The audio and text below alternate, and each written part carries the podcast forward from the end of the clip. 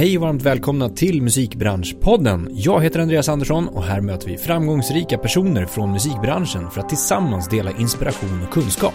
Podden produceras av DMG Education, musikbranschens digitala kunskapsarena med kurser, utbildningar och coachning för dig som vill utveckla din karriär.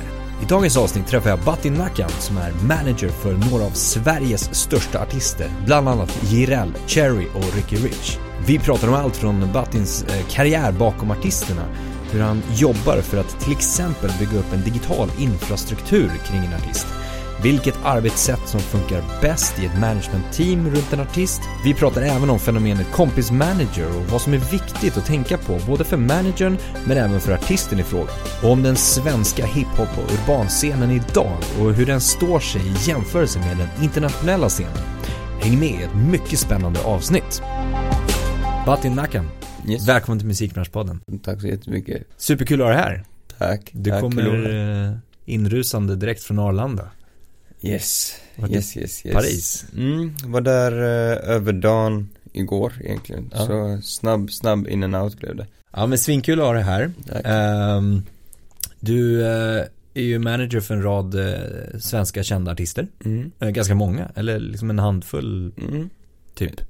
Det blir, det är Ricky Rich, Jireel, Cherry. Sen eh, är jag också manager för en producent som heter KJ. Och en nigeriansk artist som heter AV. Grymt. Så Ja. det är exakt en handfull. Det är exakt, precis. Och, och ehm, det var ju ett tag sedan vi snackade management i podden, så vi kommer snacka lite eh, fokus på det liksom. Eh, lite hur du jobbar, hur det går Mm. till och hur du kom in i hela, hela svängen så att säga. Eh, men vi måste ju faktiskt börja med det du nämnde när du kom in här också. Mhm. Att ehm, du eh, gick en kurs på DMG. Ja, exakt. För typ 6-7 år sedan. Sex, sju år sedan var det jag, jag gick en kurs på DMG. Det var, jag, jag har hållit på med musik i, i tio år skulle jag vilja säga. Jag är 27 nu, jag började när jag var 17. Ja. Men fram tills jag var 22, 23 så, så var musik någonting jag gjorde på sidan av. Och så hade jag ett vanligt jobb, jag jobbade på Telenor som säljare. Och efter ett par år så var det så här jag kände mig inte bekväm i den boxen. Mm. Så då bestämde jag mig för att jag ska se upp mig, satsa helt ut på musik. Och satt jag och kollade på nätet, googlade musikkurser, hittade DMG. Och bestämde att det är så jag ska börja, jag ska, jag ska gå in all in liksom och börja eh, läsa upp så att jag kan alla grunder. Samtidigt som jag fortsätter allting vid sidan av. Mm.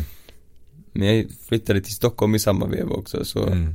Och sen drog det igång med hela Sen drog det igång med hela, det var, det var bara att komma Karriären. hit för att sätta igång det. Ja men grymt. Mm. Som sagt, du representerar ju några av eh, Sveriges största artister idag. Ehm, finns det liksom en specifik tid i deras karriär när du kom in och liksom kunde amplifiera ännu mer på något sätt? Det varit olika på, på, på all, alla fem. Ehm, jag skulle vilja säga med Ricky så var jag hans bokare från innan han släppte Habibi. Så jag var med ganska tidigt i hans karriär. Och även när jag var hans bokningsagent så hjälpte jag egentligen han och hans managers på managementsidan. Mm. Knöt ihop dem med branschen, gav lite dos and don'ts på vägen. Och sen så följde det ganska naturligt att jag, jag skulle ta den pucken sen när annat fall fallerade på den fronten. Uh, Jireel var det väl Enligt Jireel var det att han ville ta det till nästa nivå, han behövde nytt blod, ny, ny spirit, han hade ju ett management innan som gjorde ett jättebra jobb med honom också. Shit, ja, man, man kommer in på så olika aspekter. AV hade vi också som var AV hittade jag via att någon skickade mig en länk på hans första låt Big Tug Boys och då var jag med ganska tidigt från start. Ja. Ehm, Så jag tror det, det varierar på vem du är som artist, när du vad du behöver Mm. Ehm, Jag skulle inte säga det finns väl inget nu ska, det här är bra tid att plocka in en manager. För vissa, innan du ens har gjort din första låt, du kan gå och plocka upp en manager. Ja. För vissa andra, du kanske måste hitta dig själv kreativt eller hitta, det, det, det svåra är också att hitta en bra manager. Mm. Manager skulle jag säga. Många, många tror att det är en vän som är bra på att prata, Exakt. men jag tror inte det är det som är fallet i alla lägen. Nej. Men eh, jag tänkte på det här med, som du sa, att eh, du kan komma in i en artists eh, liksom karriär i, in, i, vid olika tidpunkter. Mm. Det måste ju vara lite olika för dig då att, okej, nu tar vi oss an det här artistprojektet som är från scratch. Alltså hur du jobbar då tänker jag. Vart, Absolut. vart, vart börjar du till exempel med en sån artist när ni börjar, ja men innan lansering kanske? Från scratch så skulle jag väl säga det, det, det första som, som vi gör är att sätta en jäkla massa sessions. Ja. Det börjar i studion, det börjar med musiken. Så sätta artisten i bra kreativa sammanhang, olika producenter, olika writers, verkligen hitta det som blir artistens nisch. Det som får artisten att låta som sin egen artist. När du gjort det, då är det nästa steg att börja tänka på image, vad ska du ha för struktur, hur ska du släppa musiken. Mm. Det, det, det är mycket innan, från, från att gå in till studion från, eh, första gången till att släppa sin första låt. Det är mycket som ska hända däremellan. Mm. Så går du in och jobbar från scratch så tror jag att du har en betydligt mycket längre onboardingprocess än om du hoppar in i en nuvarande artistkarriär. Så Mm. Då är det bara att hoppa in och börja köra och leta upp vilka funktioner du kan fylla. Ja. Här, här gäller det att skapa jobb för både dig själv och artisten. Ja, exakt. Mm. Att det blir lite mer aktivt, som du sa, skapande. Exakt. Att, att se, skapa möjligheterna och en etablerad artist så kanske det mer handlar om att ta tillvara på Ja, förvalta alla möjligheter Ja, ja, och eh, liksom analysera lägen, sätta strukturer runt det team eller bolagsstrukturer som, som den artisten behöver Mm. eh, reda upp helt enkelt. Men med nya artister, det, det två helt olika arbetsfält skulle jag väl säga Ja. inom management. Ja, men om man tar Jireel som exempel då. Mm. Där när du liksom har, går in i en, en etablerad artists karriär. Mm. Hur, säg att ni liksom, ja men nu är det klart, nu kör vi, vi gasar. Eh, var, vart börjar ni exakt då? Sätter ni er ner på ett möte och bara, okej vilka, var, var ska vi prioritera för någonting? Ska vi lägga upp en plan? Vad ska vi släppa? Var ska vi spela? Men Jireel var det väl, vi, jag och Jireel känner ju varandra sen han var, hur gammal var han? 14, 15 första gången jag träffade honom. Gjorde hans första klubbspelning också. Mhm. Så vi har varit bra vänner genom åren men vi har aldrig jobbat så här officiellt ihop. Men när, när jag och Jireel hade vårt första möte så var det, började punkta ner vad, vad han har för mål. Vad jag ser för möjligheter för honom, vad, vad jag tror, vad jag tycker att han borde vara i sin artistiska karriär, eller vilket håll han ska gå, för att se om vi hade någon match där. Eh, och sen började jag gå in på, grotta ner sig på liksom bolagsstruktur, dealstrukturer, vilka jobbar du med idag, vilka vill du jobba med? Och, och bara börja kart, kartlägga hela hans karriär. I allting från kreativ till verkligen the business side of things. Och sen bearbeta det steg för steg egentligen. Mm. Men, men det är enklare i ett fall som Jireel Mm. än med en etablerad, etablerad För det finns någonting på alla parametrar som Mm. du kan analysera och jämföra ganska konkret med andra liknande områden liksom. Ja, exakt. Och sen kan jag tänka mig att han också har vuxit in i rollen som Mhm. artist kanske och har mer visioner kring att, ja men, jag vill göra det här. Exakt. Eller samarbeten åt det här hållet eller liksom turnéer här och här. Mm. Ehm, så att både liksom att det finns en invuxen, vuxit in som artist och sen att du har eh, liksom fått, fått dina kunskaper och att det blir ett bra match på något sätt. Just, också att du har, liksom att ni har känt varandra länge. Mm. Den trusten som ni har skapat mellan varandra Exakt. måste ju vara ganska viktig också. Definitivt.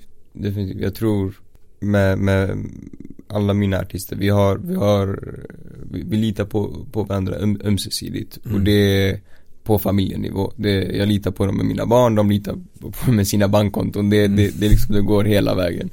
Men hur skapar man den från början då? Det måste vara genuint. Ja. Det måste vara genuint. Du, måste ha rätt intentioner när du går in.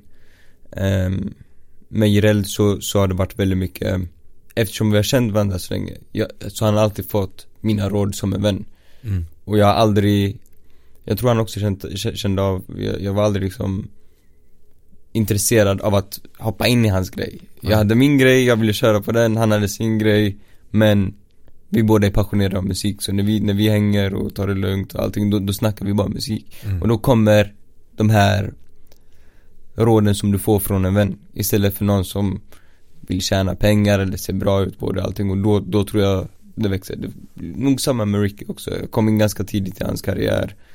Eh, och så var jag liksom en stöttepelare för han och hans management i tre år. Mm. Innan han själv kom och sa Martin, jag behöver din hjälp på heltid. Mm. Så jag, jag tror inte det finns någon fuskväg på, på hur man får förtroende utan det måste förtjänas, det måste, det måste vara genuint. Mm.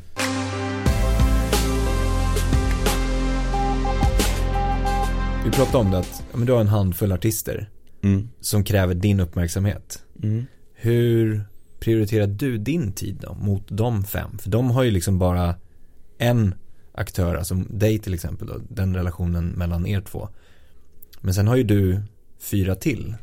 Jag tror också det kommer mycket i, i management först för att det ska gå att, att hantera tidsmässigt. Som du säger, alla, alla behöver konstant attention och, och hjälp i sina karriärer. Så då handlar det först och främst om att lita på folk eh, och börja bygga teams kring artisterna.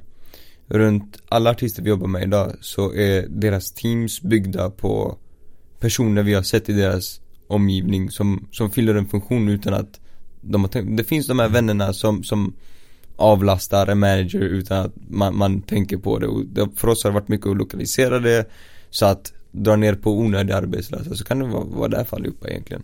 Mm. Det, där det drabbas i tid skulle jag väl säga är mitt privatliv. Jag har inget privatliv alls. Nej.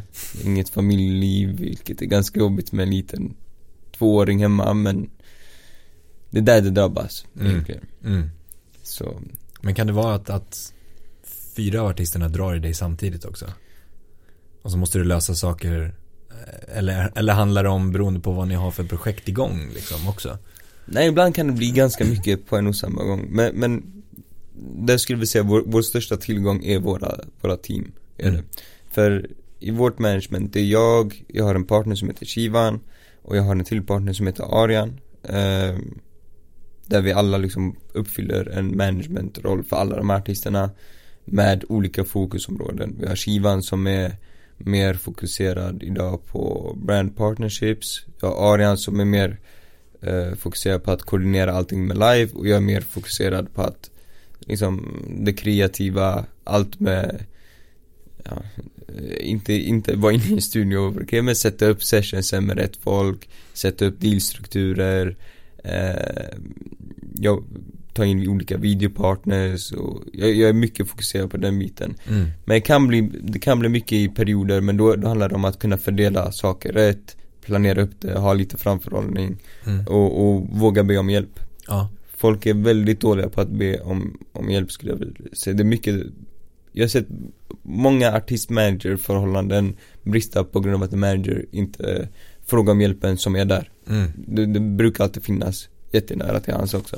Och då brister ju alltihop. Alltså då Mm. kan det ju vara så att du inte hinner göra ditt jobb eller kan ha möjlighet eller orkar och så går ju du ut på artisten Exakt. och möjligheterna där. Det, det är en eh, naiv, naiv stolthet skulle jag säga ibland Ja. från managers. Det finns ett ego, både på, på samma sätt som man brukar säga att det finns egon hos olika artister, det finns egon hos managers, och, managers också. Ja. Eh, de har, det, det är många managers som känner att en deal måste komma från mig. Mm. Jag måste ha fiskat upp den här dealen, eller jag måste ha satt den här sessionen. Artisten måste veta att det är jag som har fixat den här grejen. När det Mm. egentligen handlar om vad, får, vad finns det som gynnar artisten? Mm. Skitsamma vilket håll det kommer ifrån. Hjälper det artisten, hjälper det inte artisten? Mm. Jag tror det är där det väger egentligen. Men hur behåller du fokuset då själv? Alltså, och, och liksom prioriterar i allt det här? Jag, jag, tar, mycket hjälp av digital struktur. Du gör det? Ja. Väldigt mycket Mm. digitalt. Jag har olika projekthanteringsprogram um, strukturerar liksom allting i cloud så det finns tillgängligt för alla i teamet så att det är enkelt att fördela något jobb till någon. Mm. Ehm, kalendrar som är synkade med hela teams.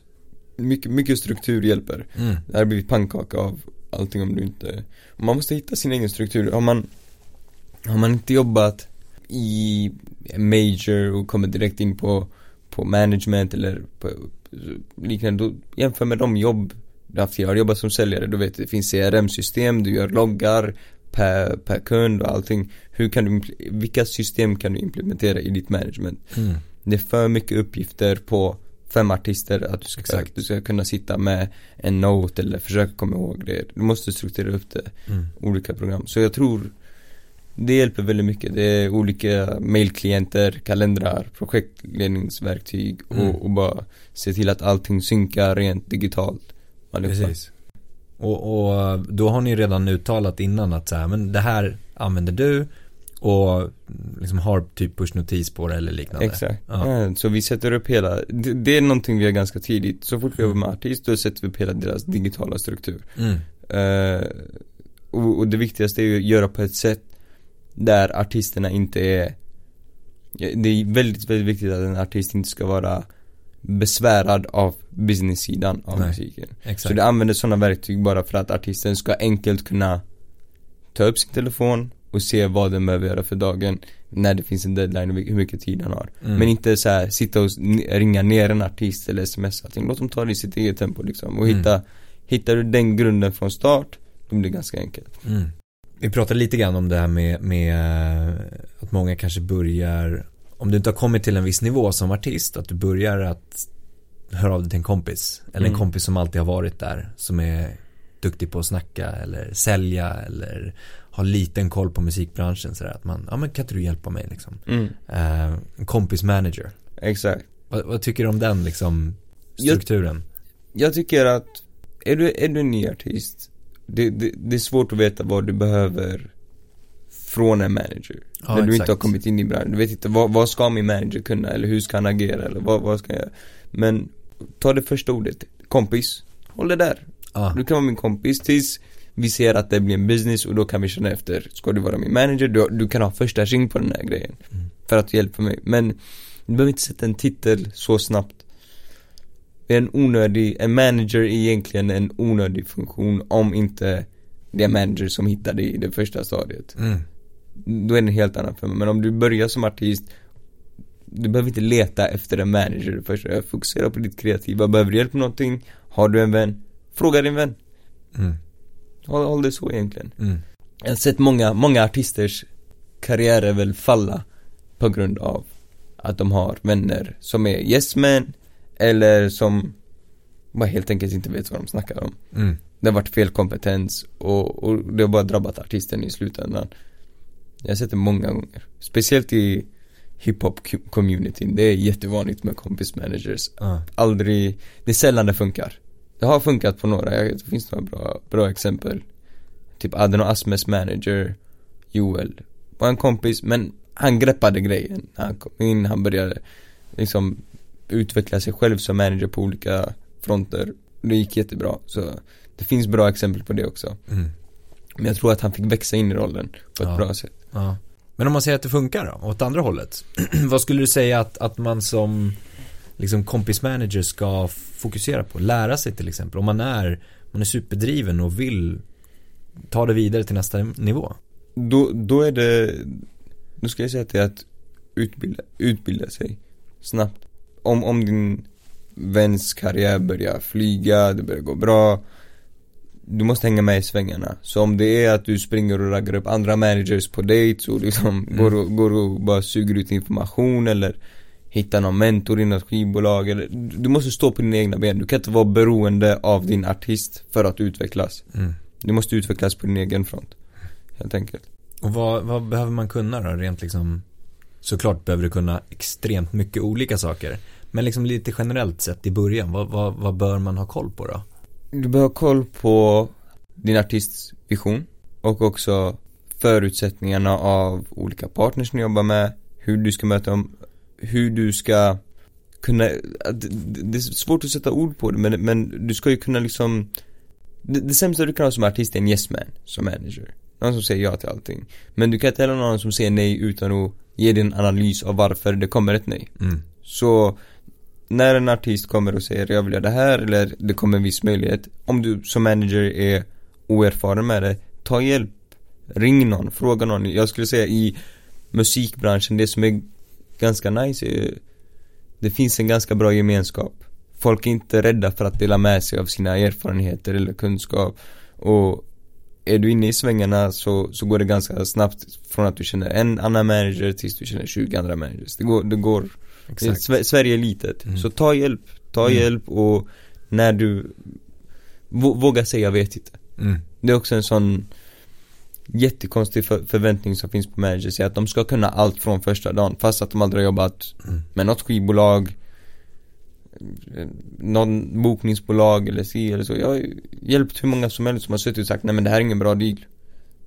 Och det är den första dealen de, riktiga dealen de någonsin har sett på ett papper Det, ta bort den här stoltheten, vad är bäst för din artist? Det är Mm. att du lär dig Mm. och ger honom rätt analys, rätt bild av saker och ting Mm.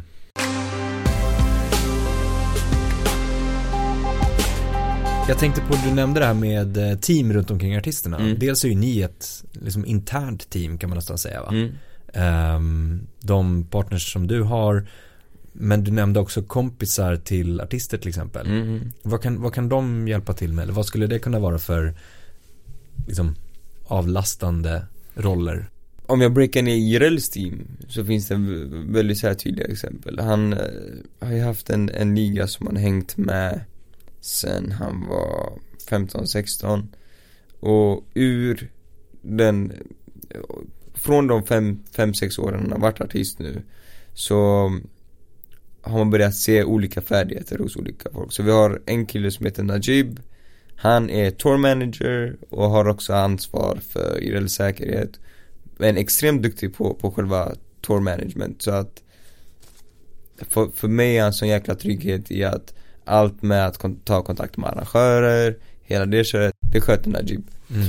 Sen har vi Ibbe som var artist förut, en artistkollega till Jireel som sen hoppade in och liksom det är Jireels bästa, bästa vän. Men han vill så gärna se Jireel vinna så han har aldrig satt en roll på sig själv. Utan han har varit en vän som, som stödjer honom. Men från ett managementperspektiv, förutom att han är, har en officiell titel som, som DJ, så är han den som är närmast i hand till, till Jireel och lätt att få tag på eh, väldigt hjälpsam i alla typer av eh, lägen. Om det är allt ifrån att åka och hämta upp en outfit till någon musikvideo eller att åka med Jireel till en studio för att ha, alltså allt. Ibbe kan du kasta lite allt möjligt på så jag tror där är det också så, som manager och artist att säga okej men vad finns det för, för styrkor, styrkor hos den här personen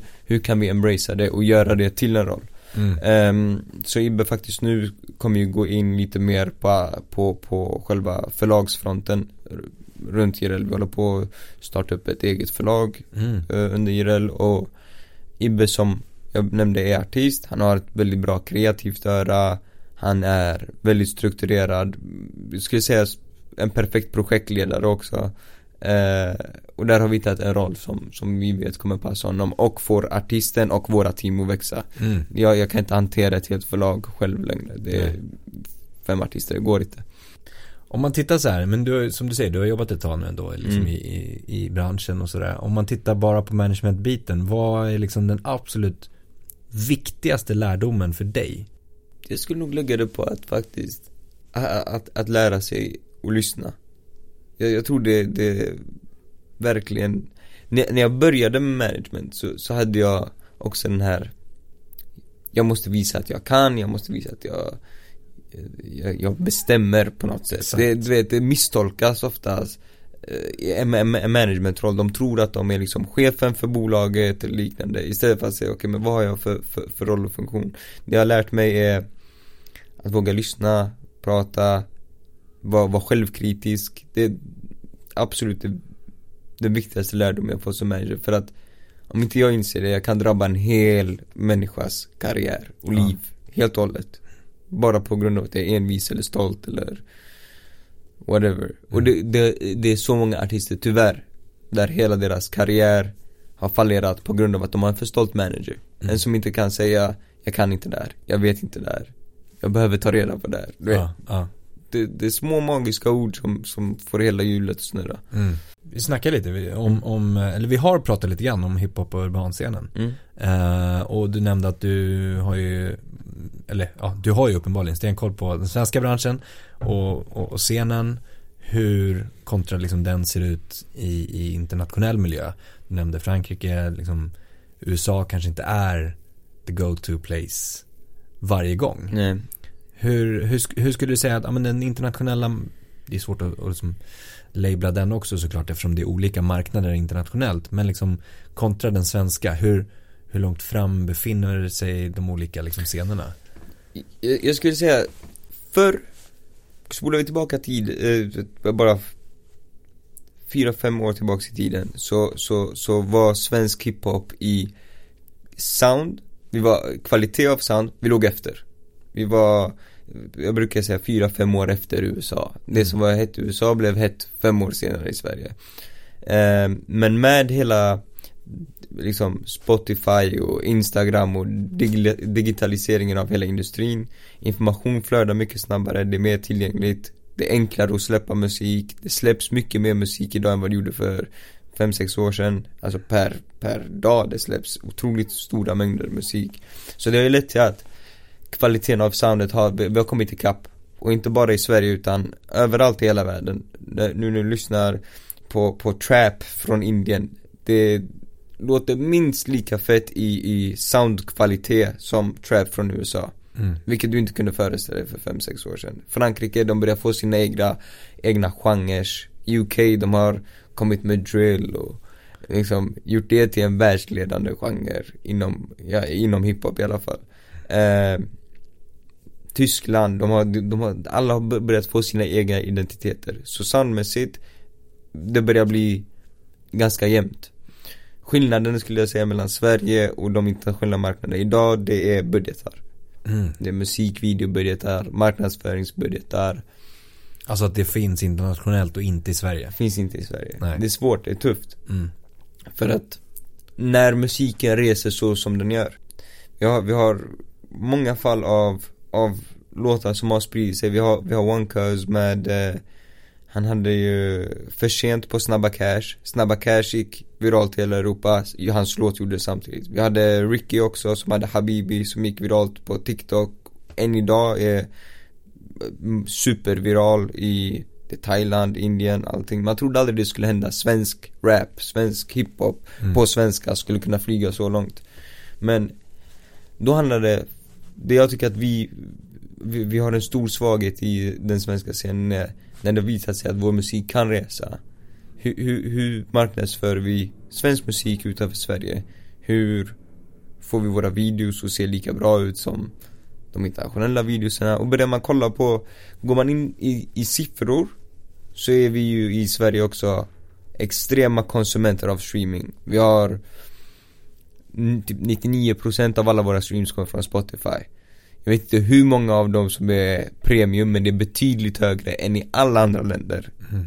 Hur mycket premiumanvändare vi har och sen kollar vi på siffrorna för att vara ett land med 10 miljoner invånare att ha, ha en svag som gör 100 miljoner streams på, på ett år Du har en, samma gamla vanliga mat som är närmare 60 miljoner under ett år Det, det ska finnas budgetar, det finns en ekonomi i det som, som funkar, funkar i de andra länderna som borde funka här också ah. Men vi tänker smått mm.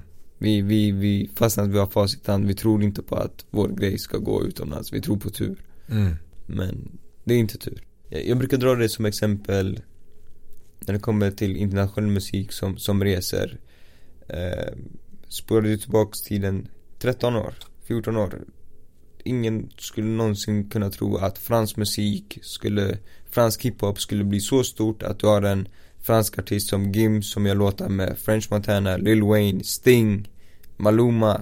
Det fanns inte, det var ingen i Frankrike som trodde att det där skulle hända för 13 år sedan. Nej. Nu är det vanligt, nu har du Aya Nakamura, du har Daju, du har Eh, take, du har en sju, åtta artister från om inte mer, tio artister från Frankrike på den urbana scenen som gör det internationellt, globalt, mm. på franska. Mm. Kan inte ett ord engelska, de flesta av dem. Och det går. Jag har albanska artister, tyska artister. Det, om det funkar för alla dem, det kommer funka för svenska artister också. Tror du att Sverige kommer komma ifatt i det också? Precis som ja. vi gjorde i soundet? Ja, det tror jag. Jag tror alla, allt det som börjar hända nu kan man inte förneka.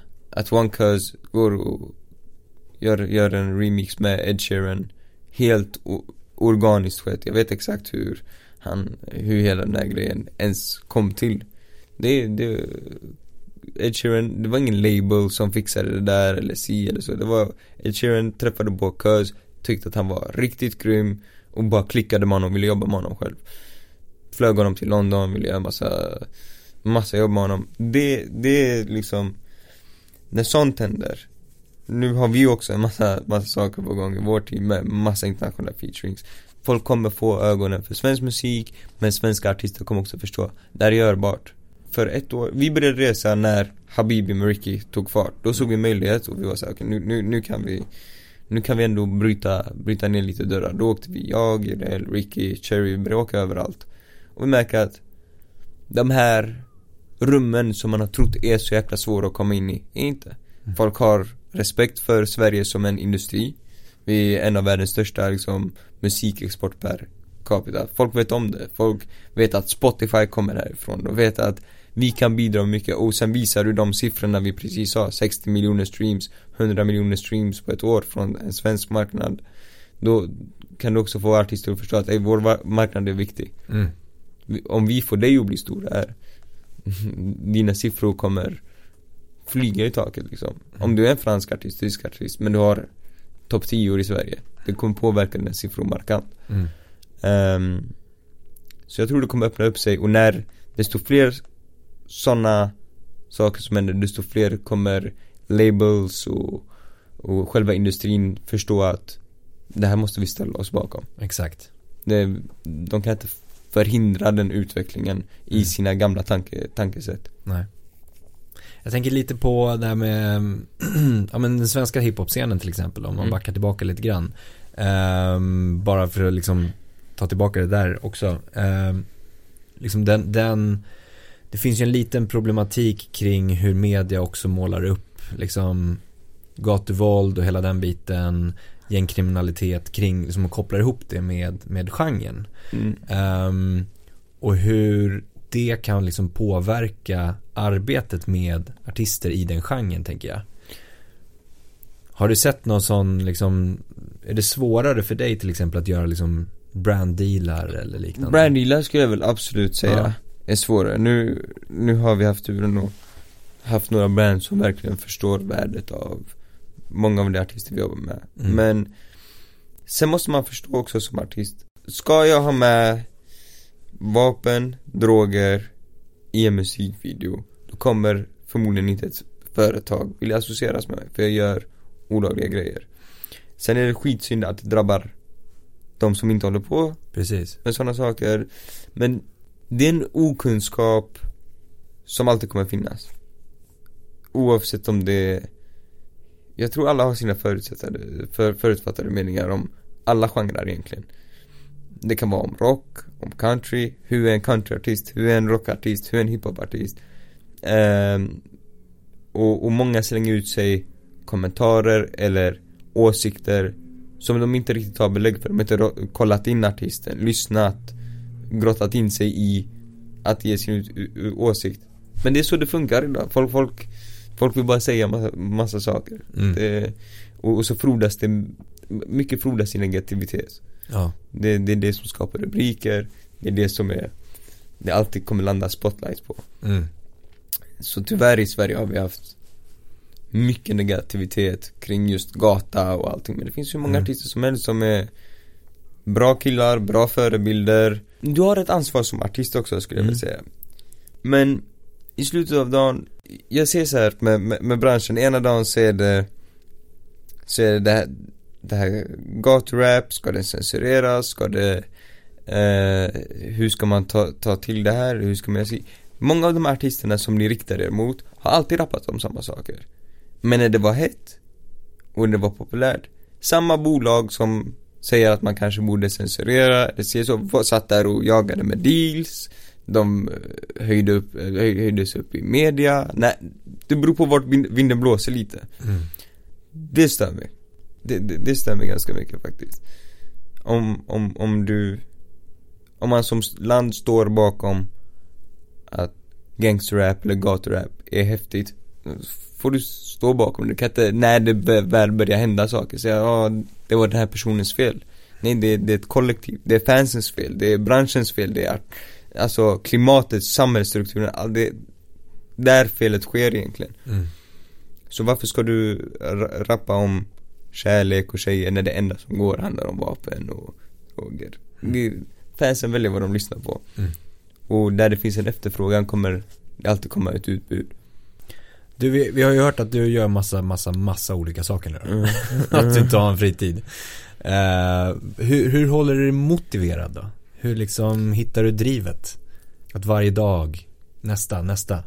Jag tror Det är självklart olika för allihopa hur man Hur man hittar motivation och hur man Fortsätter hålla igång För mig, jag, jag har bara en Jag har mina drömmar Jag har mina mål som jag ska ha uppnått inom fem år eller tre år och två år och jag får panik varje dag jag inte har nått dem jag, det kan gå, jag kan ha en vecka som har varit helt otrolig där vi har gjort featurings, vi har rest, vi har satt något stort businessmöte och så lägger jag mig i sängen på kvällen och så eh, känner jag liksom, jag får, jag får nästan ångest över att det inte går fort nog.